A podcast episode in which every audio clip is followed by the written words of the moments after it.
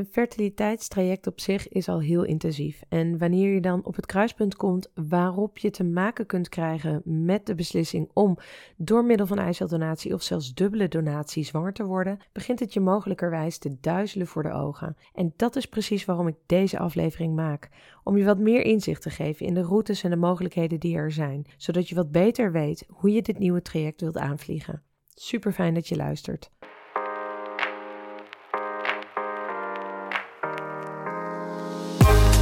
Wat leuk dat je luistert naar de podcast Het Gouden Ei. Mijn naam is Femke Schipperheijn. Deze podcast is voor iedereen die bezig is met een kinderwens waarbij het niet vanzelf gaat. En voor degene die graag wil weten wat er nu allemaal komt kijken bij een fertiliteitstraject. Zowel op medisch als op mentaal vlak. In deze podcast deel ik waardevolle informatie en tips om jou meer wegwijs te maken in de wereld van fertiliteit. Ik neem je mee op reis door mijn eigen verhaal en ervaringen en ik ga in gesprek met ervaringsdeskundigen en specialisten. Laten we snel beginnen.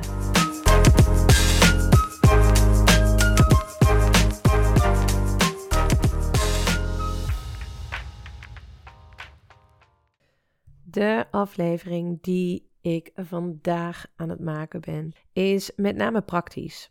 Ehm, het is om jou die informatie te bieden die ik zelf heel erg miste toen ik in dit traject stapte.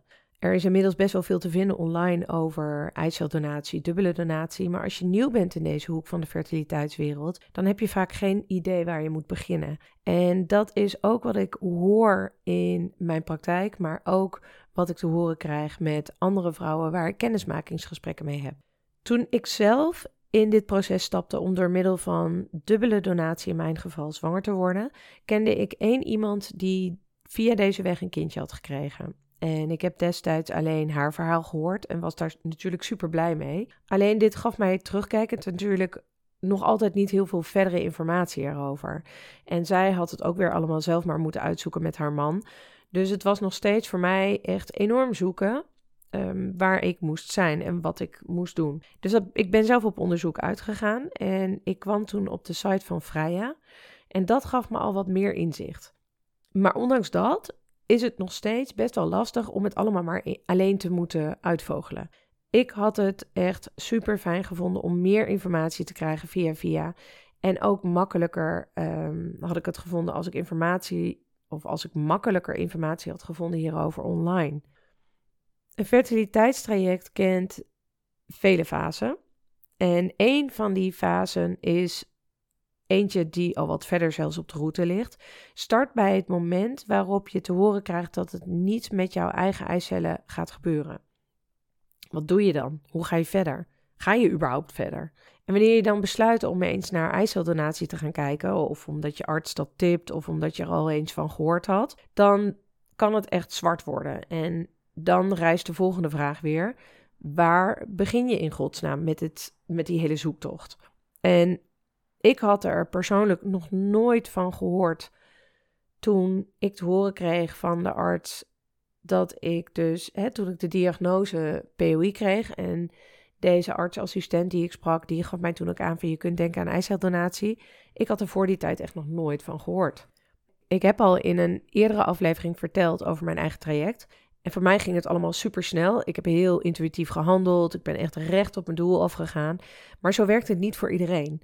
In mijn praktijk kom ik ook heel veel vrouwen tegen, zoals ik net al zei, die echt geen idee hebben waar ze moeten beginnen. Die echt paniekerig kijken, handen in het haar en vragen dan ook aan mij van, joh, hoe heb jij dat gedaan? Nou, waar je voor mijn gevoel mee mag beginnen, is informatie opdoen over wat er hier in Nederland mogelijk is. Dit is waar je natuurlijk wil beginnen. Het allerliefst doe je het in je eigen land. En er zijn opties hier, maar welke zijn er dan? En daar ga ik in deze aflevering dus ook meer over vertellen, zodat je dat inzicht wat helderder krijgt voor jezelf.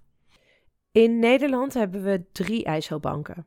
Dat is bij het UMC Utrecht, bij het AMC in Amsterdam en TFP Medisch Centrum Kinderwens in Leiden-Dorp.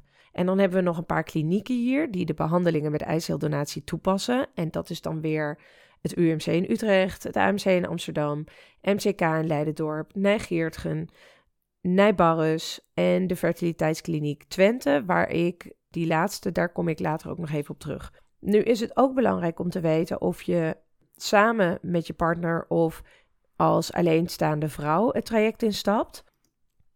Want als alleenstaande vrouw word je niet overal toegelaten. En dat ga ik later even toelichten waarom dat is.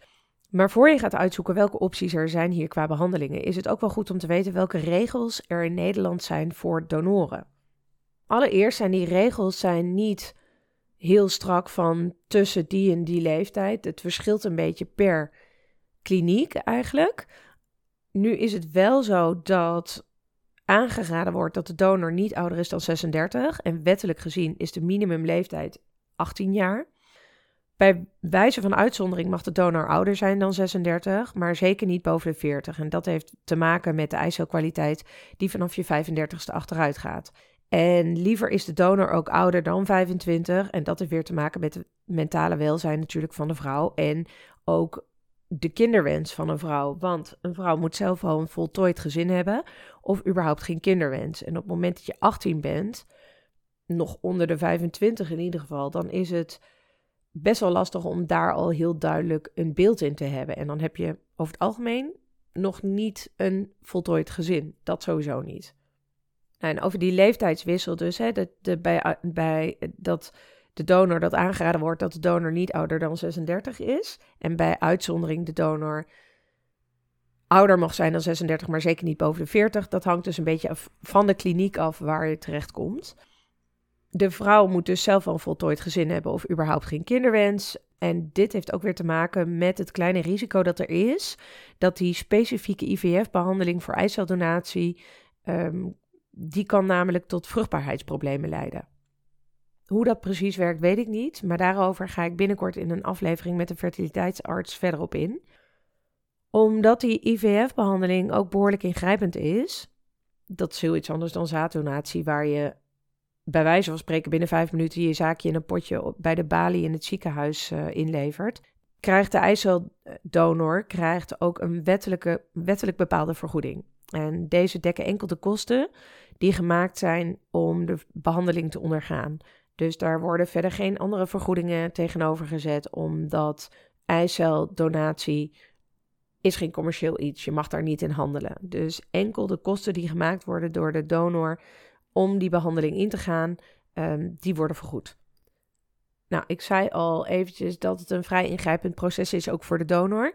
Deze gaat ondergaat een IVF-behandeling, alleen dan zonder die terugplaatsing natuurlijk. Maar dat betekent wel dat er een punctie plaatsvindt, of waarschijnlijk zelfs meerdere. En ik heb het zelf nooit mee mogen maken, maar ik weet van horen zeggen dat dit een hele vervelende, pijnlijke ingreep kan zijn. En er komt wel verdoving aan te pas, of zelfs soms volgens mij narcose. Maar daarna ben je natuurlijk wel redelijk beurs. En van binnen en de narcose en verdoving moet ook weer je systeem uit. Dus het is vrij ingrijpend. En de donor krijgt natuurlijk ook allemaal hormonen toegediend. Net als dat je zelf, als je in een IVF-traject zit of in een ICSI-traject, krijg je, en zelfs ook bij uh, een donatietraject, krijg je hormonen toegediend. Nou, dat krijgt de donor ook om ervoor te zorgen dat haar lichaam zo goed mogelijk haar werk doet. En alles natuurlijk zo goed mogelijk in de juiste, in de beste vorm is. En vaak is het ook niet met één punctie klaar, volgen er meerdere, want uit één punctie kunnen dan misschien wel tien eicellen komen. Maar dat wil niet zeggen dat ze ook allemaal gebruikt kunnen worden. Dus er zijn vaak meerdere puncties zijn er nodig voor echt een goede voorraad voor, om echt te kunnen gebruiken voor donatie. Dus omdat dit zo ingrijpend is voor een donor, zijn er in Nederland niet heel veel vrouwen die zich hiervoor beschikbaar stellen. En dat betekent dat de vraag groter is dan het aanbod.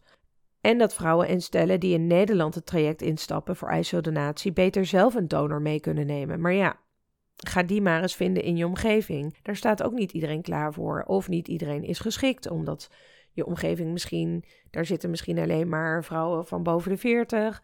Of hebben zelf nog een kinderwens. Dus dat is ook nog niet eens zo makkelijk.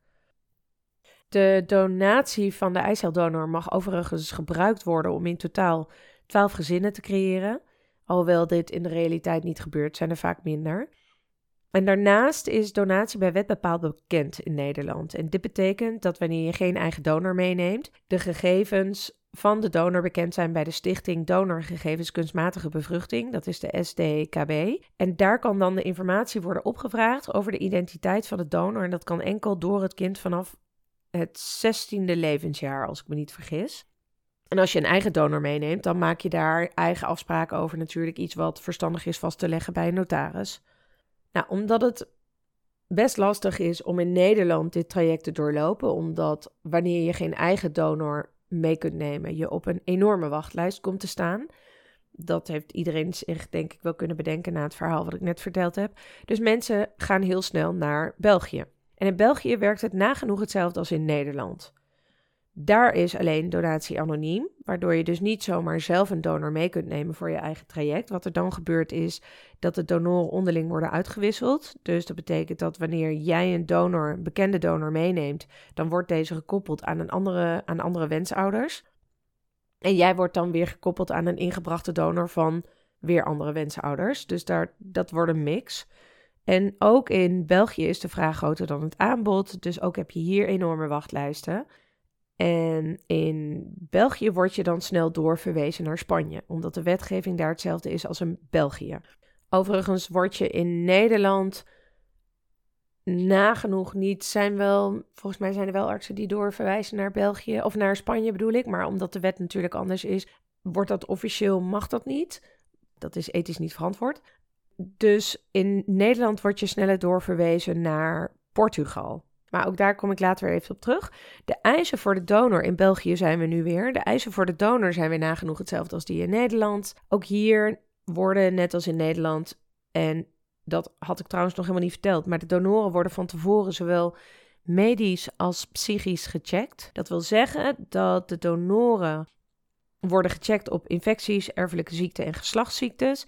En natuurlijk wordt er goed onderzoek gedaan op de vruchtbaarheid van de vrouwen. vaak zijn het dan vrouwen die ook al eerder zwanger zijn geweest. Dat vergroot logischerwijs de kans op een zwangerschap. En naast die, dat medische onderzoek gaan ze ook in gesprek met een psycholoog om te kijken of het metaal goed gaat en of ze echt klaar zijn voor dit donatietraject.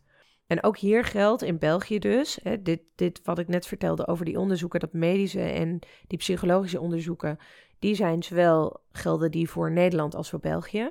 Maar dan weer terug naar het traject in België. Daar geldt dan ook weer dat er qua vergoeding, net als in Nederland, niet meer in zit dan de wettelijke vergoeding bij de kliniek voor de onkosten die de donor maakt voor het doneren. Nou, dan gaan we naar Spanje. Even logische stap vanuit België.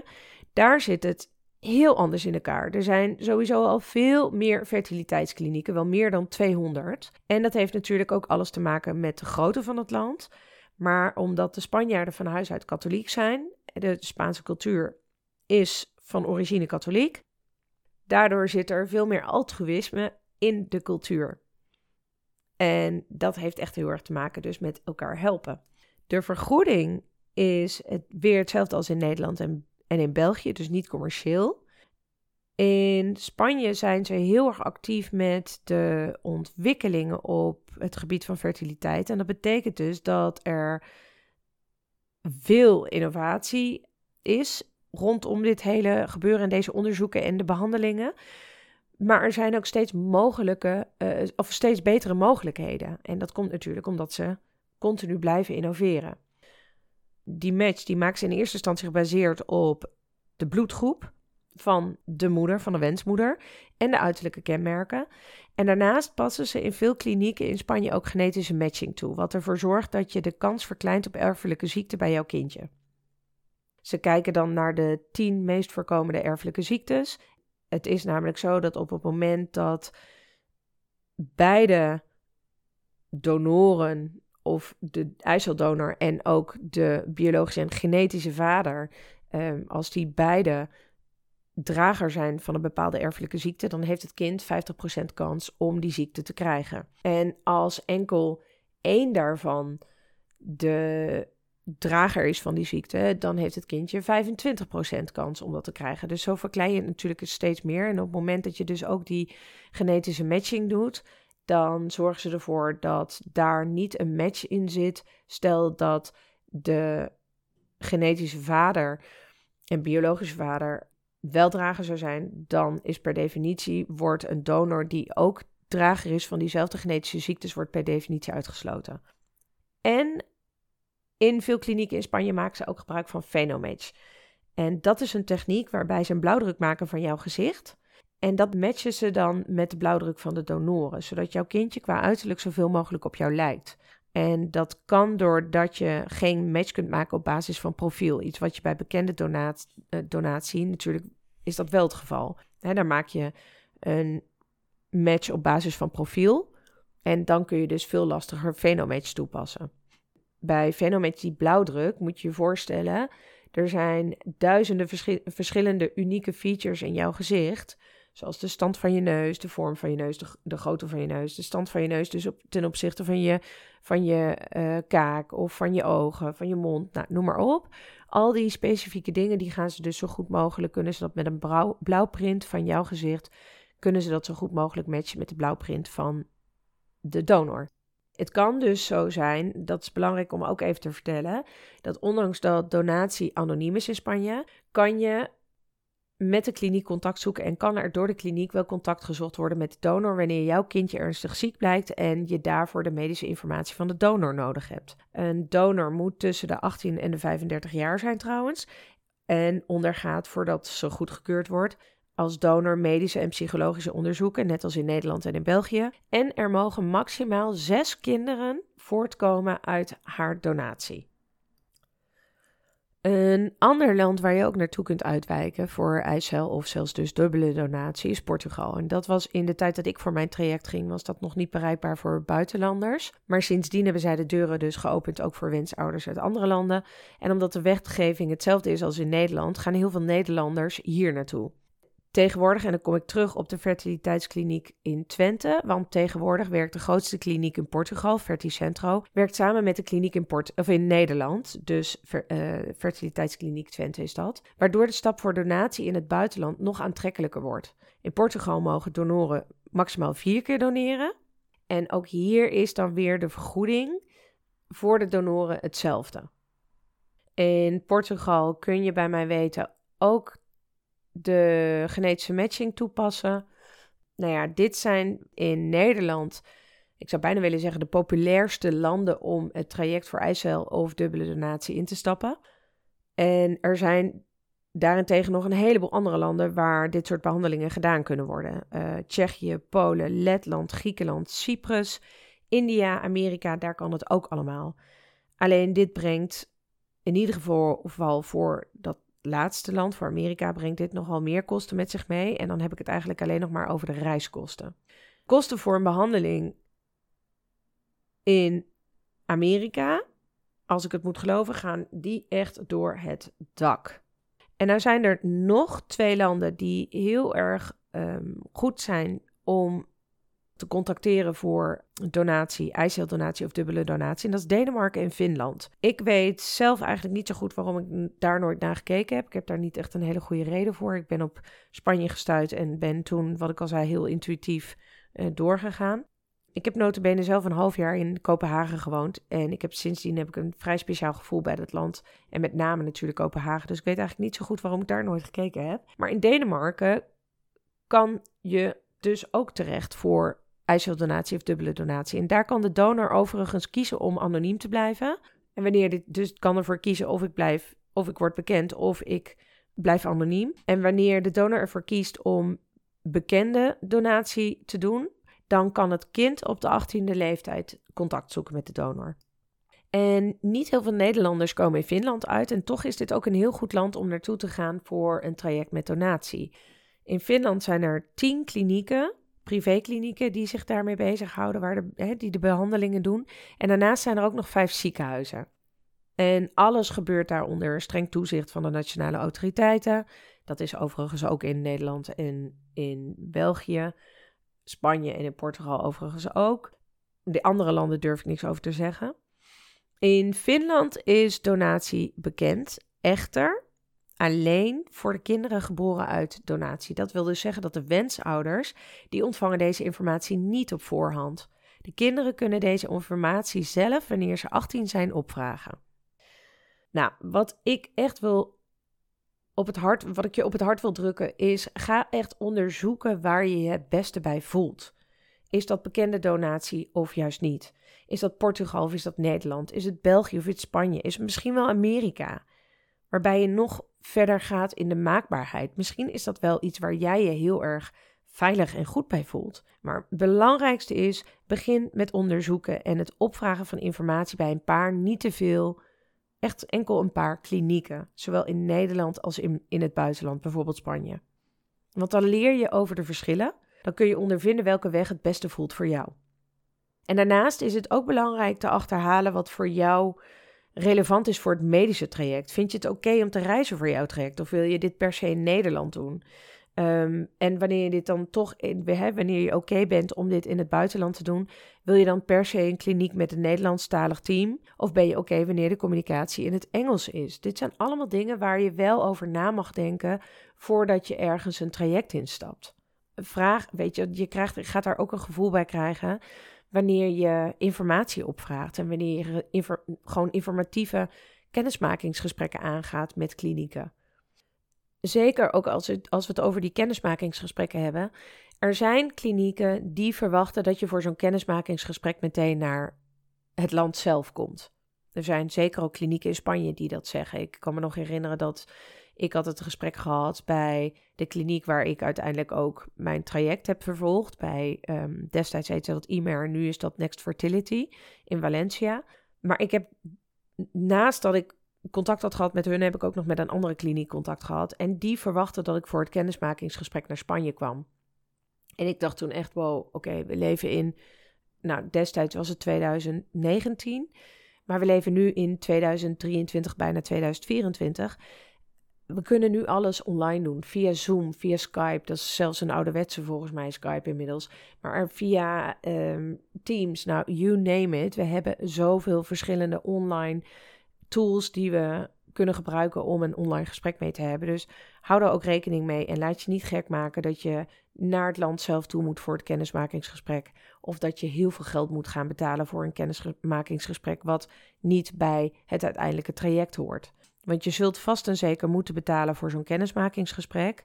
Maar het wordt ook vaak gebruikt van: oké, je hebt een kennismakingsgesprek. Op het moment dat je bij ons het traject ingaat, dan wordt dat dus opgenomen in de trajectprijs.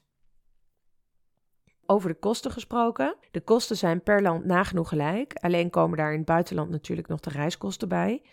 En zoek ook even goed uit wat jouw verzekering vergoedt. Want in Nederland heb je tot je 43ste recht op drie IVF-behandelingen. En dat geldt ook voor eiceldonatie wanneer je hiervan nog geen gebruik hebt gemaakt. En let even op, want dat betekent dat je een deel terugkrijgt. Hè? Enkel het IVF-stuk van de behandeling en niet alles. En wanneer je voor een traject in het buitenland kiest, moet je met jouw verzekering even overleggen wat zij hiervan vergoeden. En als zij het niet vergoeden, dan ga even naar de website van de Belastingdienst, want dan is er een manier waarop je bij de Belastingdienst ook een stuk terug kunt krijgen. Of niet ook, nee, in plaats van de verzekering. Dus als jij niks vergoed krijgt vanuit je verzekering, dan kun je een stuk opgeven bij de belasting. Dus zoek dat even goed uit. Er zijn dus zo allemaal dingen die omhoog kunnen komen al voor, maar dus ook tijdens het traject. En daarom is het echt heel erg belangrijk om dicht bij jezelf te blijven en steeds weer opnieuw jezelf af te vragen hoe het voelt. Wat vind je ervan? En dit is ook de manier om ervoor te zorgen dat je niet over je eigen grenzen heen gaat. Want je hoort zo ongelooflijk veel nieuws. En je hoort zoveel verschillende dingen. En alles wat de artsen zeggen, dat kan ook voor allerlei duizelingen in je hoofd zorgen. En voor, nou, zwarte vlekken zou ik bijna willen zeggen. Wees dus ook niet bang om alles te bevragen. En waar je ook je traject gaat starten, besef je, dit is jouw traject. En dus heb je alle recht om de dingen te vragen en te bevragen. Ik wil je ook op het hart drukken dat je op ieder moment op de rem kunt trappen. Zolang jij nog geen plaatsing gehad hebt, wanneer het je ineens aangrijpt en je voelt dat je even een pauze wilt inlassen, dan kan dit dus altijd. Ook als er al een match is gemaakt, ook als er al blasto's klaar liggen voor je, ook als je al met de hormonen begonnen bent. Ook als je op het punt staat om naar de kliniek te gaan voor de plaatsing. Op ieder moment kun jij op de rem trappen, want dit is jouw traject. Dus geef dat ook echt heel duidelijk aan bij de kliniek. En het voordeel van een traject met eiceldonatie of met dubbele donatie, daar, daar, het voordeel van een traject met donatie, is namelijk wel dat de biologische klok niet meer zo hard tikt. Dus de druk is er in dat opzicht natuurlijk wel vanaf. Tenzij je de 50 nadert, dat is weer een heel ander verhaal. De leeftijdsgrens voor de wensmoeder is bij eiceldonatie en dubbele donatie. In de meeste landen ligt die op 50 jaar. En in, even denken, in Noord-Cyprus, Letland en in India kun je wel boven je 50ste nog voor zo'n traject gaan. Maar in alle andere landen dus niet. Wil je meer hulp bij je zoektocht dan alleen maar Google? Dan kun je ook eens kijken op de website van Freya. Die heb ik aan het begin van het, van het verhaal al even genoemd. Dit is de Vereniging voor Mensen met Vruchtbaarheidsproblemen. En op hun site staat ook echt heel veel praktische informatie. Dus het is sowieso super handig om even te kijken als je die nog niet ontdekt had. Je kunt ook contact zoeken met Anneke van Kinderwens Buitenland. Zij kunnen jou samen heel erg fijn helpen met allerlei praktische zaken. En naast het praktische stuk komen er natuurlijk ook een heleboel vragen en onzekerheden omhoog. En dat is sowieso wanneer je met een fertiliteitstraject zit. En wanneer je met dit hele traject dus te maken krijgt, komen er een heleboel onzekerheden kunnen er boven komen. En een heleboel vragen. Om er te beginnen ook hoe ga je dit delen met je kindje? En wanneer ga je het delen met je kindje? En hoe voelt mijn kindje zich? En hoe voel ik me? Ga ik me helemaal 100% moeder voelen van, van mijn kindje? Mag ik het mijn kindje noemen? Er komen zoveel verschillende vragen omhoog. En daarom is het echt ook heel erg belangrijk om daar mentale hulp bij te zoeken. Zodat je daar dus ook niet in verdrinkt. En zodat je daar ook niet, daardoor niet helemaal in de angst wegschiet, waardoor je misschien ook wel helemaal niet meer de traject durft in te stappen. Terwijl je zo'n diep gewortelde kinderwens hebt. Over al die vragen en onzekerheden die wensouders kunnen hebben, op, nog voordat ze een kindje hebben, maar ook nadat ze een kindje hebben, dat ze hebben gekregen met behulp van donatie. Daar komen een heleboel vragen komen daar dus nog bij kijken. Over al die vragen ga ik in een andere aflevering nog dieper op in met, een, met mijn gast van die aflevering. Het was een hele hoop informatie bij elkaar. Ik hoop dat het je wat verder heeft gebracht in jouw zoektocht. Of misschien heb je deze aflevering wel geluisterd om het proces van het dierbare beter te begrijpen. Dan kun je hier misschien nog mee helpen. Sla de aflevering op onder je favorieten, zodat je hem nog eens kunt terugluisteren. Ik hoor graag wat je ervan vond. En laat het me zeker weten wanneer je vragen hebt of eens wilt praten over je onzekerheden, angsten of vragen hebt waar je mee loopt. Plan een vrijblijvende kennismaking met me in op mijn website www.femkecoaching.nl of stuur me een DM op Instagram. Ik ben te vinden onder femke.coaching. Tot de volgende aflevering.